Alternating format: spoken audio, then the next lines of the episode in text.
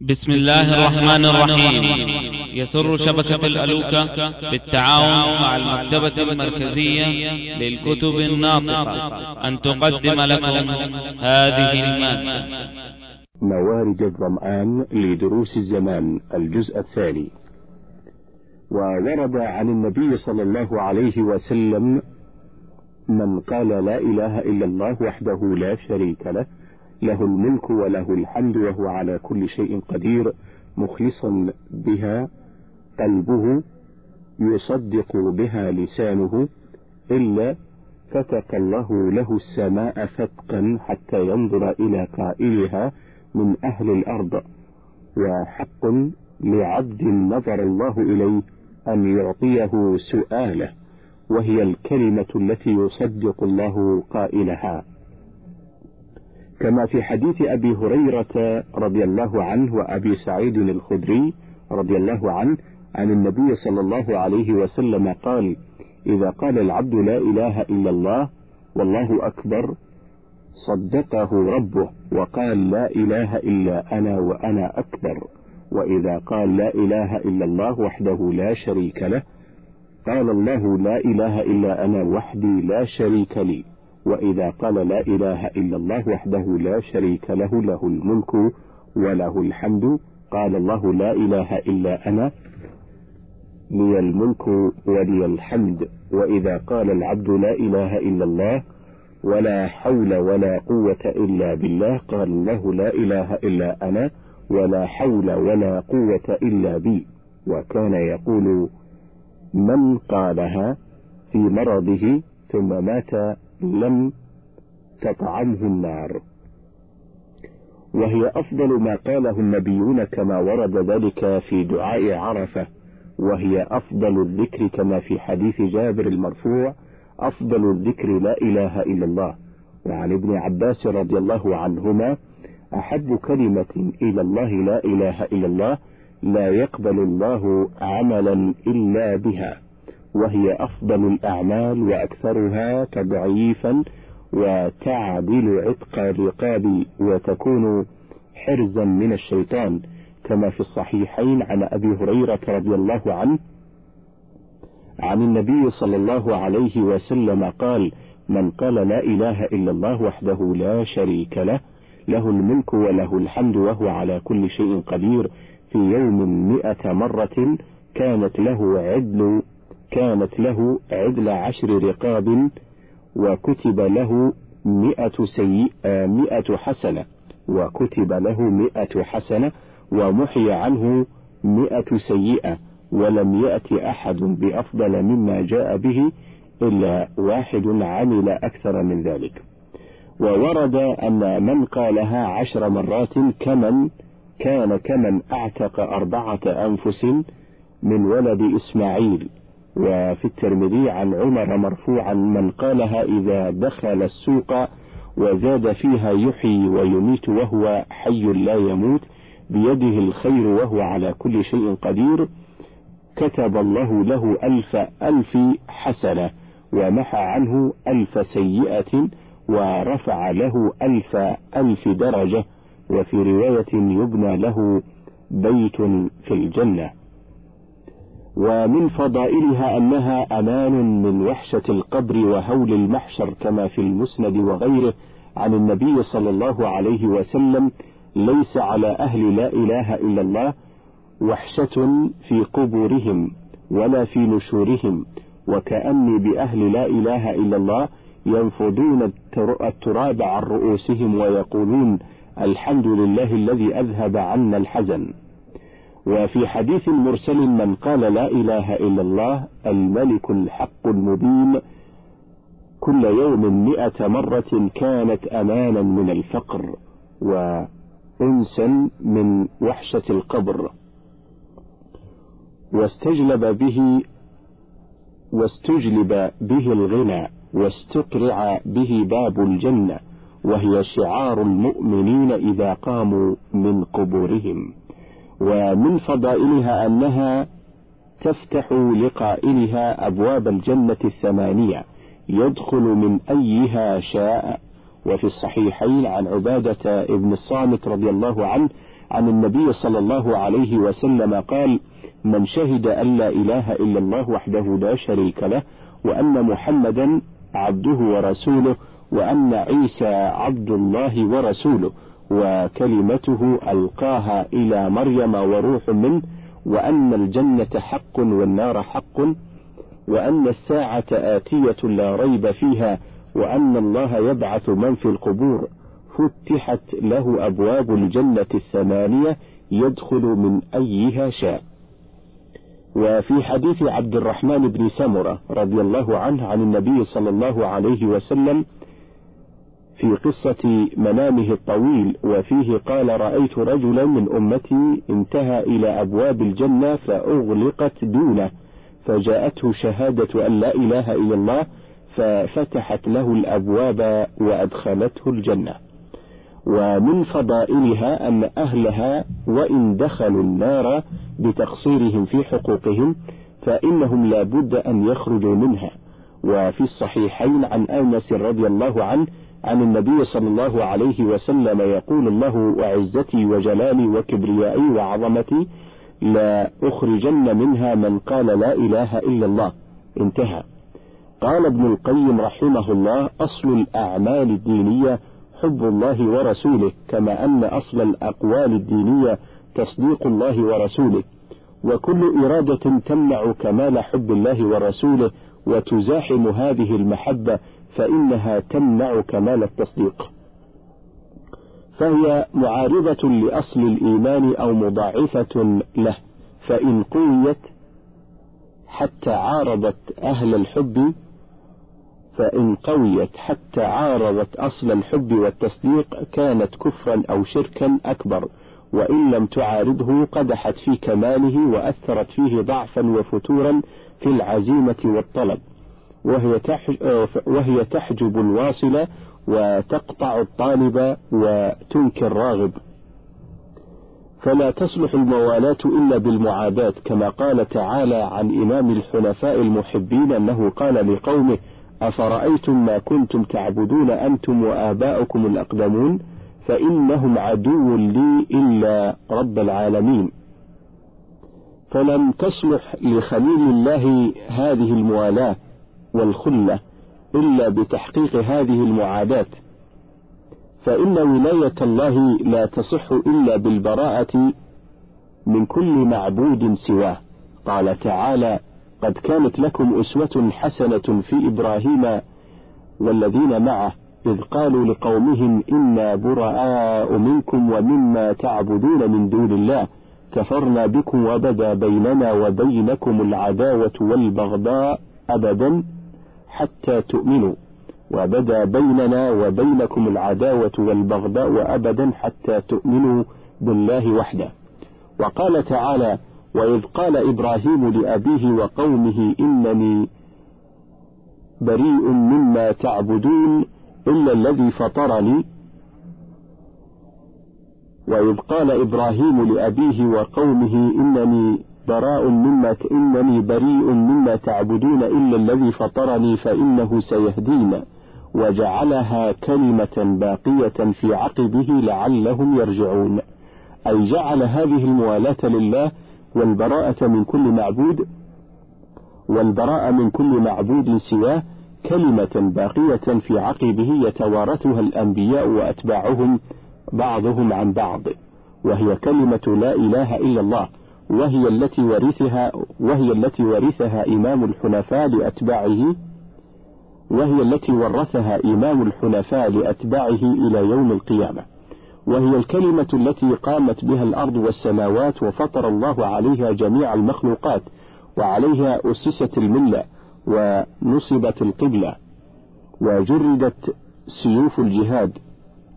وهي محض حق الله على جميع العباد وهي الكلمة العاصمة للدم والمال والذرية في هذه الدار والمنجية من عذاب القبر وعذاب النار وهي المنشود الذي لا يدخل أحد الجنة إلا به والحبل الذي لا يضل إلى الله لا يصل إلى الله من لم يتعلق بسببه. وهي كلمة الإسلام ومفتاح دار السلام وبها وبها انقسم الناس إلى شقي وسعيد ومقبول وطريد وبها انفصلت دار الكفر من دار السلام وتميزت دار النعيم من دار الشقاء والهوان وهي العمود الحامل للفرد والسنة. ومن كان آخر كلامه لا إله إلا الله دخل الجنة.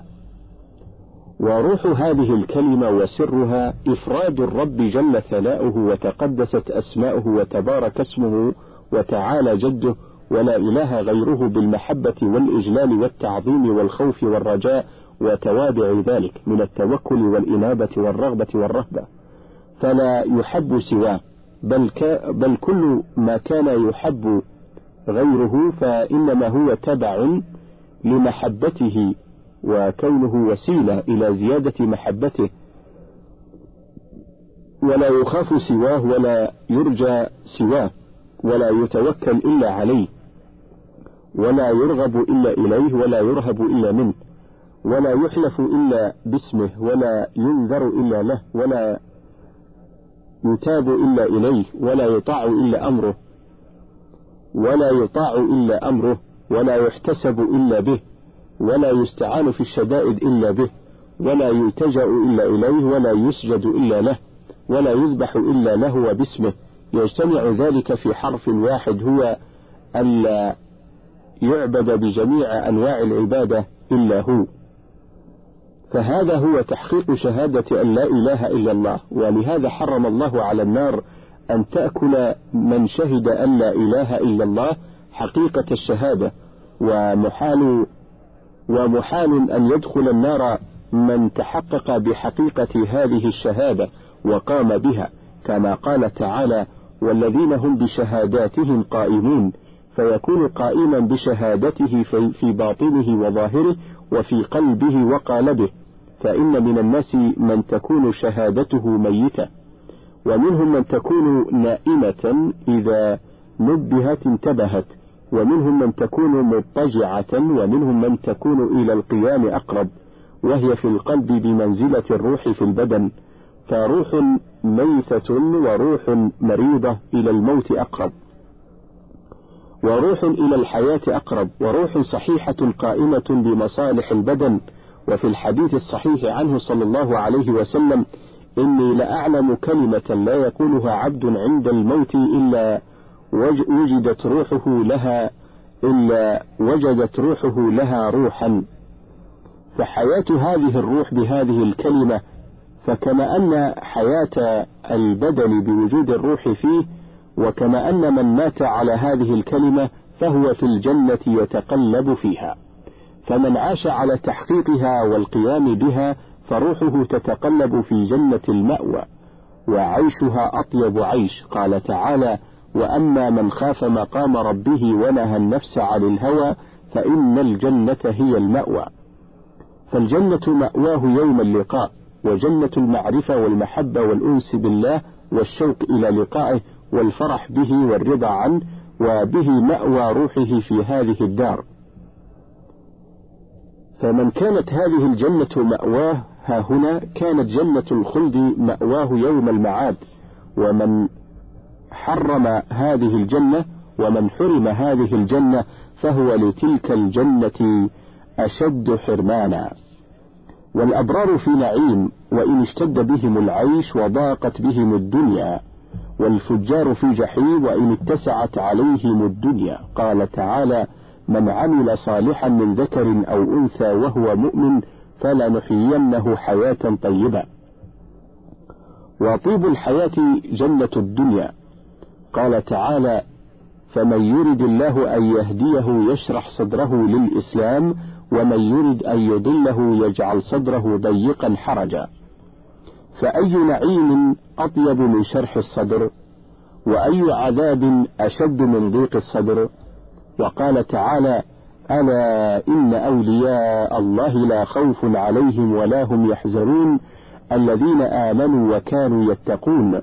لهم البشرى في الحياة الدنيا وفي الآخرة لا تبديل لكلمات الله ذلك هو الفوز العظيم. فالمؤمن المخلص لله من أطيب الناس عيشا وأنعمهم بالا وأشرحهم صدرا وأسرهم قلبا. وهذه جنة عاجلة قبل الجنة الآجلة. قال النبي صلى الله عليه وسلم إذا مررتم برياض الجنة فارتعوا. قالوا وما رياض الجنة؟ قال حلق الذكر. ومن هذا قوله صلى الله عليه وسلم ما بين بيتي ومنبري روضة من رياض الجنة. ومن هذا قوله وقد سألوه عن وصاله في الصوم وقال إني لست كهيئتكم إني أظل عند ربي يطعمني ويسقيني. فأخبر صلى الله عليه وسلم أن ما يحصل له من الغذاء عند ربه يقوم مقام الطعام والشراب الحسي وأن ما يحصل له من ذلك أمر مختص به لا يشركه فيه غيره لا يشركه فيه غيره. فإذا أمسك عن الطعام والشراب فله عوض عنه يقوم مقامه وينوب منابه ويغني عنه كما قيل. لها أحاديث من ذكراك تشغلها عن الشراب وتلهيها عن الزاد لها بوجهك نور تستضيء به ومن حديثك في أعقابها حال إذا اشتكت من كلام السير أوعدها روح اللقاء فتحيا عند ميعاد. وكلما كان وجود شيء أنفع للعبد وهو إليه أحوج كان تألمه بفقده أشد. وكلما كان عدمه أنفع كان تألمه بوجوده أشد ولا شيء على الإطلاق أنفع للعبد من إقباله على الله واشتغاله بذكره وتنعمه بحبه وإيثاره لمرضاته بل لا حياة له ولا نعيم ولا سرور ولا بهجة إلا بذلك. فعدمه آل آلم شيء له وأشد عذابا عليه. وإنما تغيب الروح عن شهود هذا الألم والعذاب لاشتغالها بغيره واستغراقها في ذلك الغير فتغيب به عن شهود فتغيب به عن شهود ما هي فيه من ألم العقوبة بفراق أحب شيء إليه إليها وأنفعه, وأنفعه لها. وهذا بمنزلة السكران المستغرق في سكره الذي احترقت داره وأمواله وأهله وأولاده وهو لاستغراقه في السكر لا يشعر بألم ذلك الفوات وحسرته حتى إذا صحى وكشف عنه غطاء السكر وانتبه من رقدة الخمر فهو أعلم بحاله حينئذ. وهكذا وهكذا الحال سواء عند كشف الغطاء ومعاينة الطلائع الآخرة والإشراف على مفارقة الدنيا وهكذا الحال سواء عند كشف الغطاء ومعاينة طلائع الآخرة والإشراف على مفارقة الدنيا والانتقال منها إلى الله. بل الألم والحسرة والعذاب هناك أشد بأضعاف أضعاف ذلك. فإن المصاب في الدنيا يرجو جبر مصيبته في الدنيا بالعوض. ويعلم أنه قد أصيب بشيء زائل لا بقاء له فكيف بمن فكيف بمن مصيبته بما لا عوض عنه ولا بدل منه ولا نسبة بينه وبين الدنيا جميعها.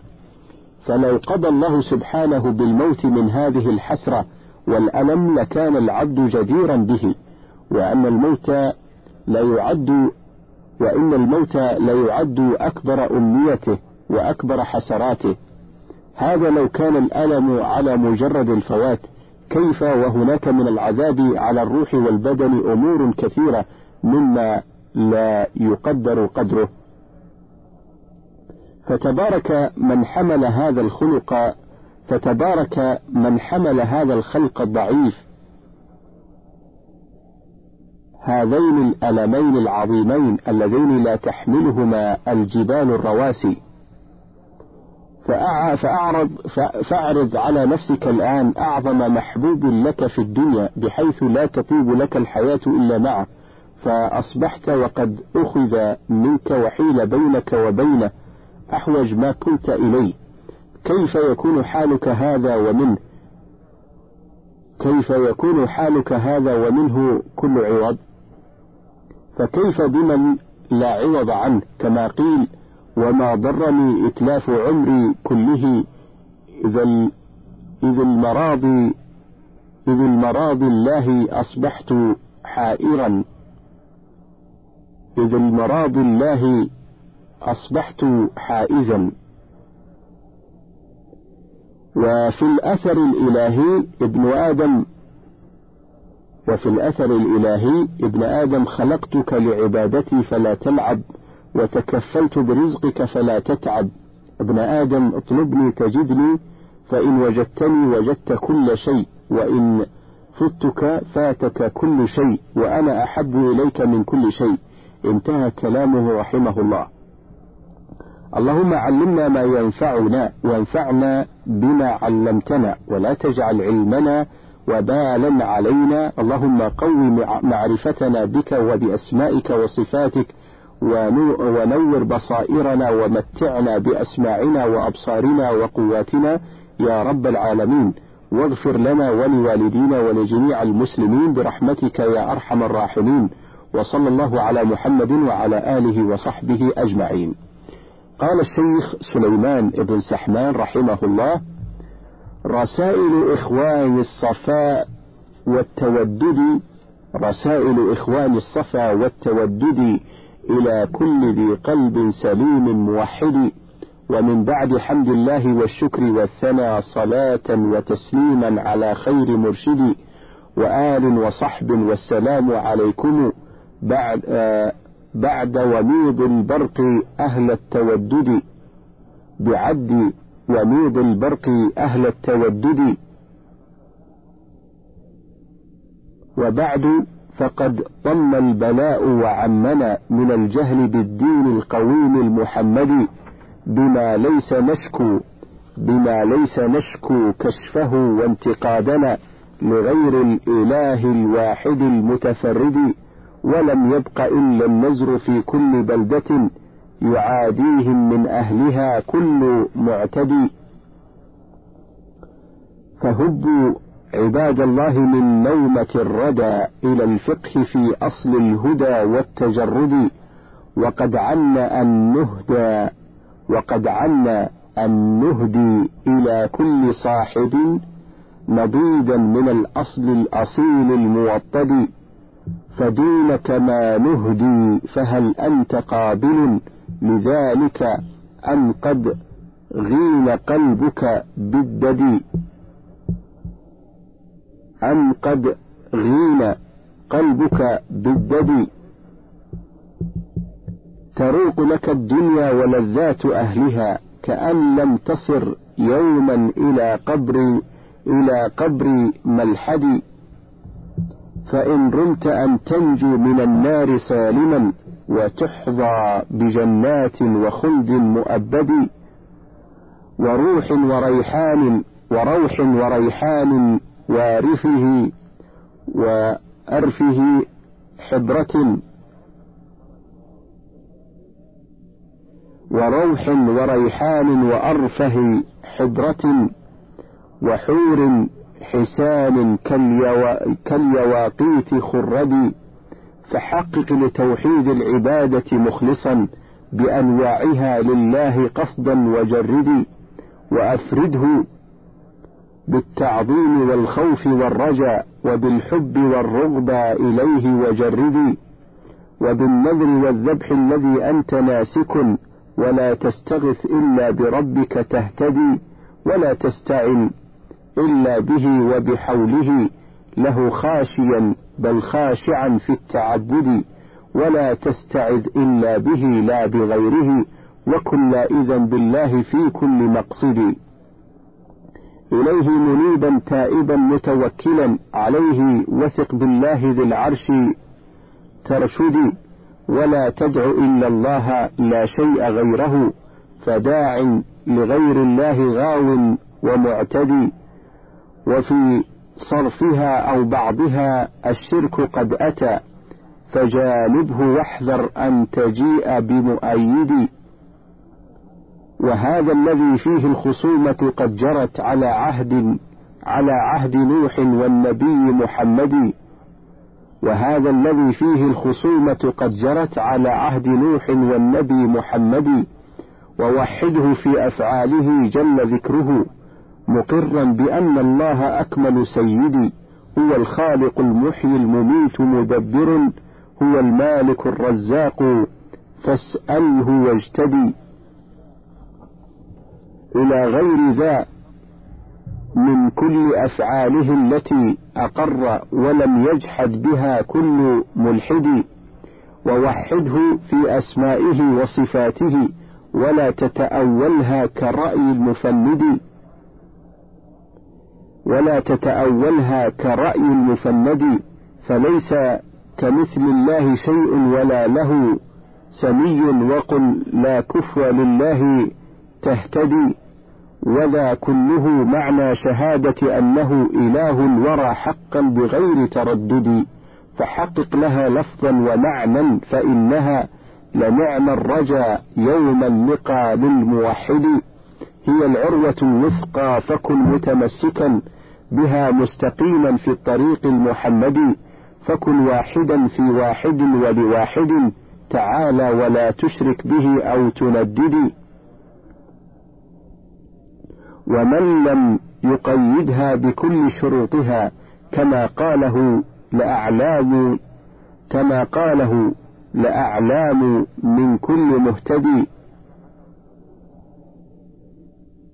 فليس على نهج الشريعة سالكا ولكن على آراء كل ملدد فأولها فأولها العلم المنافي لضده من الجهل إن الجهل ليس بمسعد فلو كان ذا علم كثير وجاهل بمدلولها يوما فبالجهل مرتدي مرتدي فلو كان ذا علم كثير وجاهل بمدلولها يوما فبالجهل مرتدي ومن شرطها وهو القبول وضده هو الرد فافهم ذلك القيد ترشدي كحال قريش حين لم يقبلوا الهدى وردوه لما أنعتوا في التمرد. وقد علموا منها المراد وأنها تدل على توحيده والتفرد فقالوا كما قد قاله الله عنهم بسورة صاد فاعلما ذاك تهتدي فصارت به أموالهم ودماؤهم حلالا وأغناما لكل موحد وثالثها الإخلاص فاعلم وضده وهو الشرك وضده هو الشرك بالمعبود من كل ملحد كما أمر الله الكريم نبيه بسورة تنزيل الكتاب الممجد ورابعها شرط المحبة فلتكن محبا لما دلت عليه من الهدي من الهدي. وإخلاص أنواع العبادة كلها كذا النفي للشرك المفند والبدي ومن كان ذا حب ومن كان ذا حب لمولاه إنما يتم بحب الدين دين محمد. فعاد الذي عاد لدين محمد ووالي الذي والاه من كل مهتدي. وأحبب رسول الله أكمل من دعا إلى الله والتقوى وأكمل مرشدي. أحب من الأولاد أحب من الأولاد والنفس بل ومن جميع الورى والمال من كل أكلد وطارفه والوالدين كليهما بآبائنا والأمهات فنفتدي. وأحبب لحب الله من كان مؤمنا وأبغض لبغض الله أهل التمرد وما الدين إلا الحب والبغض والولاء كذاك البرى من كل غاو ومعتدي وخامسها فالانقياد وضده هو الترك للمأمور أو فعل مفسد. فتنقاد حقا بالحقوق جميعها وتعمل بالمفروض حتما وتقتدي وتترك ما قد حرم الله طائعا ومستسلما لله بالقلب ترشدي فمن لم يكن لله بالقلب مسلما ولم يك طوعا بالجوارح ينقضي فليس على نهج الشريعة سالكا وإن خال رشدا ما أتى من تعبد وسادسها وهو اليقين وضده هو الشك في الدين القويم المحمدي ومن شك فليبكي على رفض دينه ويعلم أن قد جاء يوما بمؤيد ويعلم أن الشك ينفي يقينها فلا بد فيها باليقين المؤكد بها قلبه مستيقنا جاء ذكره على السيد المعصوم أكمل مرشدي ولا تنفع المرء الشهادة فاعلما إذا لم يكن مستيقنا ذا تجرد وسابعها الصدق المنافي لضده من الكذب الداعي إلى كل مفسد وعارف معناها إذا كان قابلا لها عاملا بالمقتضى فهو مهتدي وطابق وطابق فيها قلبه للسانه وعن واجبات الدين لم يتبلد ومن لم تقم هذه الشروط جميعها بقائلها يوما فليس على الهدي, على الهدي. إذا صح هذا واستقر فإنما حقيقته الإسلام فاعلمه ترشدي. وإن له وإن له فاحذر هديت نواقضا فمن جاء منها ناقضا فليجددي. فقد نقض الإسلام وارتد واعتدى وزاغ عن السمحاء فليتشهد فمن ذاك شرك فمن ذاك شرك في العبادة ناقض وذبح لغير الواحد المتفرد كمن كان يغدو للقباب بذبحه وللجن وللجن فعل المشرك المتمرد وجاعل بين الله بغيا وبينه وسائط يدعوهم فليس بمهتدي ويطلب منهم بالخضوع شفاعة إلى الله والزلفى لديه ويجتدي. ويجتدي وثالثها من لم وثالثها من لم يكفر لكافر ومن كان في تكفيره ذا تردد وصحح عمدا مذهب الكفر والردى وذا كله كفر بإجماع من هدي ورابعها فالاعتقاد بأننا سوى المصطفى الهادي وأكمل مرشدي لأحسن لأحسن حكما في الأمور جميعها وأكمل لأحسن حكما في الأمور جميعها وأكمل من هديا من هدي النبي محمد كحالة كعب وابن أخطب والذي على هديهم من كل غاو ومعتدي وخامسها يا صاح من كان مبغضا لشيء أتى من هدي أكمل سيدي. فقد صار مرتدا وإن كان عاملا بما هو ذا بغض له فليجدد. وذلك بالإجماع من كل مهتد وقد جاء نص ذكره في محمد وسادسها من كان بالدين هازئا ولو بعقاب واحد متفرد. وحسن الثواب وحسن ثواب الله للعبد فلتكن على حذر من ذلك القيل ترشدي وقد جاء نص في براءة ذكره فراجعه فيها عند ذكر التهدد. وسابعها من كان للسحر فاعلا كذلك راض فعله لم يفند. وفي سورة الزهراء نص مصرح بتكفيره فاطلبه من ذاك تهتدي ومنه لعمر الصرف والعطف فاعلما أخي أخي حكم هذا المعتدي المتمرد ومنه لعمر الصرف والعطف فاعلما أخي حكم هذا المعتدي المتمرد وثامنها وهي المظاهرة التي يعان بها الكفار من كل ملحد على المسلمين الطائعين لربهم. عياذا بك عياذا بك اللهم من كل مفسد ومن يتولى كافرا فهو مثله.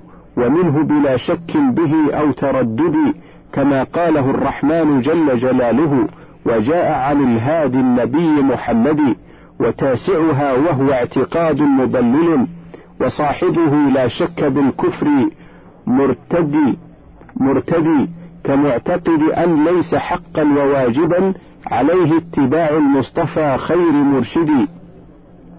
فمن يعتقد هذا الضلال وأنه يسعه خروج عن شريعة أحمد كمن كان هذا في شريعة من خلا كصاحب موسى حيث لم يتقيد هو الخضر المقصوص في الكهف ذكره وموسى كليم وموسى كليم الله فافهم لمقصدي وهذا اعتقاد للملاحدة الأولى مشايخ مشايخ أهل الاتحاد المفند مشايخ أهل الاتحاد المفند كنحو ابن سينا وابن سبعين والذي يسمى ابن رشد والحفيد الملدد وشيخ كبير في الضلالة صاحب وشيخ وشيخ كبير في, في الضلالة صاحب صاحب الفصوص ومن ضاهاهم في التمرد.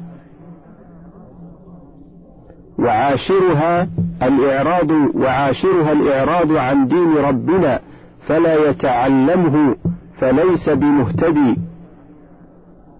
ومن لم يكن يوما من الدهر عاملا به فهو في كفرانه ذو تعمد ولا فرق في هذه النواقض كلها إذا رمت أن تنجو وللحق تهتدي. هنالك بين الهزل والجد فاعلما ولا راهب منهم لخوف التهدد. هنالك بين الهزل والجد فاعلما ولا راهب منهم لخوف التهدد سوى المكره المضهود. أن كان قد أتى هنالك بالشرط الأطيد المؤكد.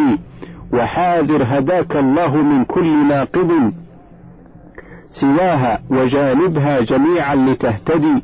وكن باذلا للجد والجهد طالبا وسل ربك وسل ربك التثبيت أي موحد وإياه فارغب في الهداية للهدى لعلك أن تنجو من النار في غد وصل وصل الإله وصل إله ما تألق بارق وصل إله ما تألق بارق وما وخدت قود بنور معبد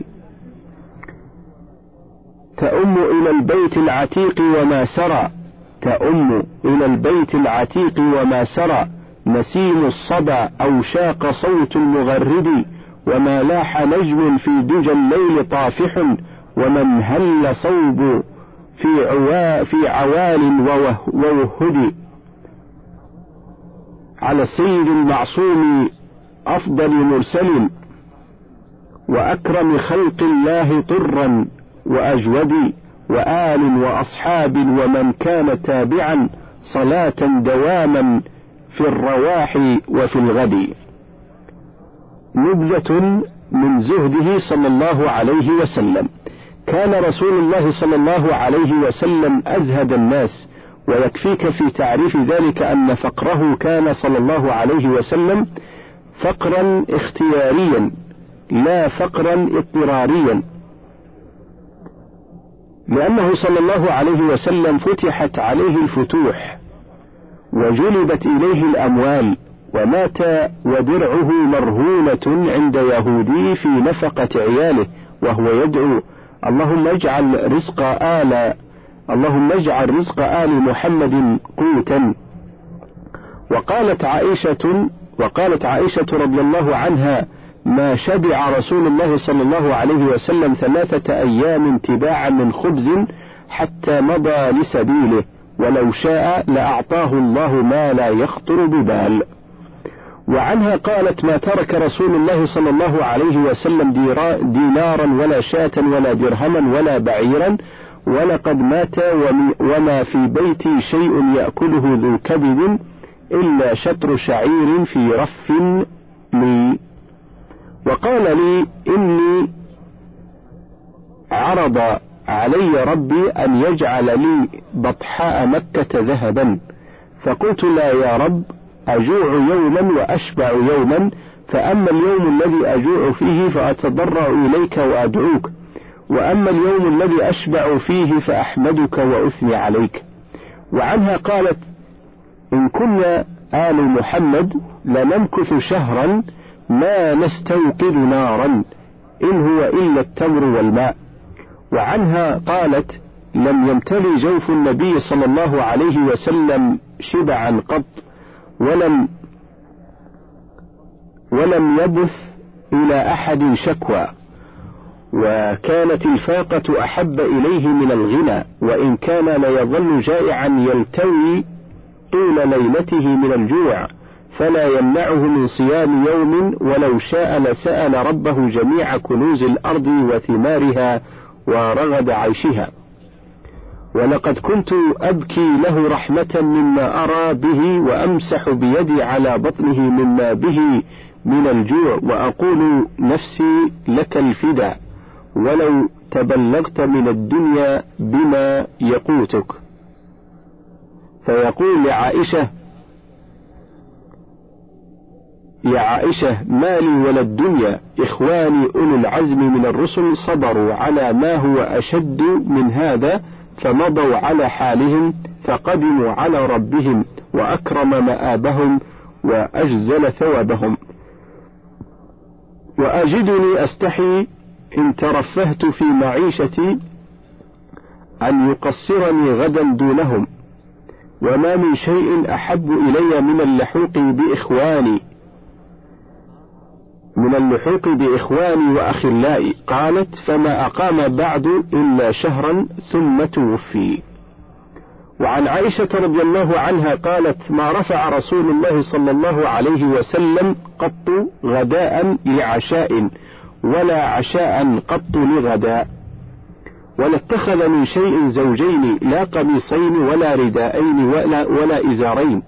ومن النعال ولا رؤيا قط ولا رؤيا قط فارغا في بيته إما يخصف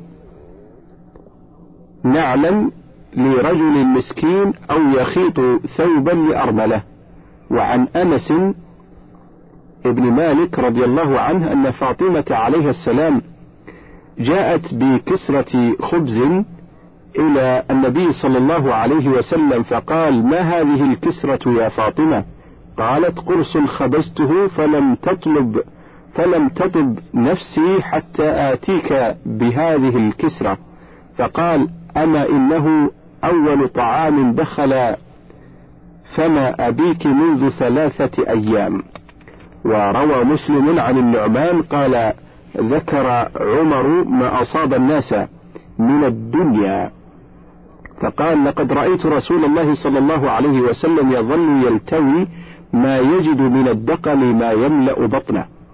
وعن أبي هريرة رضي الله عنه قال إن كان ليمر بآل رسول الله صلى الله عليه وسلم الأهلة ما يسرج في بيت أحد منهم سراج ولا يوقد فيه نار. إن وجدوا زيتا ادهنوا به وإن وجدوا ودكا أكلوه. رواه أبو يعلى ورواته ثقات. وعن عبد الله بن مسعود قال نام رسول الله صلى الله عليه وسلم على حصير فقام وقد أثر في جنبه. قلنا يا رسول الله لو اتخذنا لك وطاء. فقال ما لي ولا الدنيا ما أنا في الدنيا إلا كراكب استظل تحت شجرة ثم راح وتركها. رواه ابن ماجة والترمذي وحسنه. من فضلك تابع بقية المادة.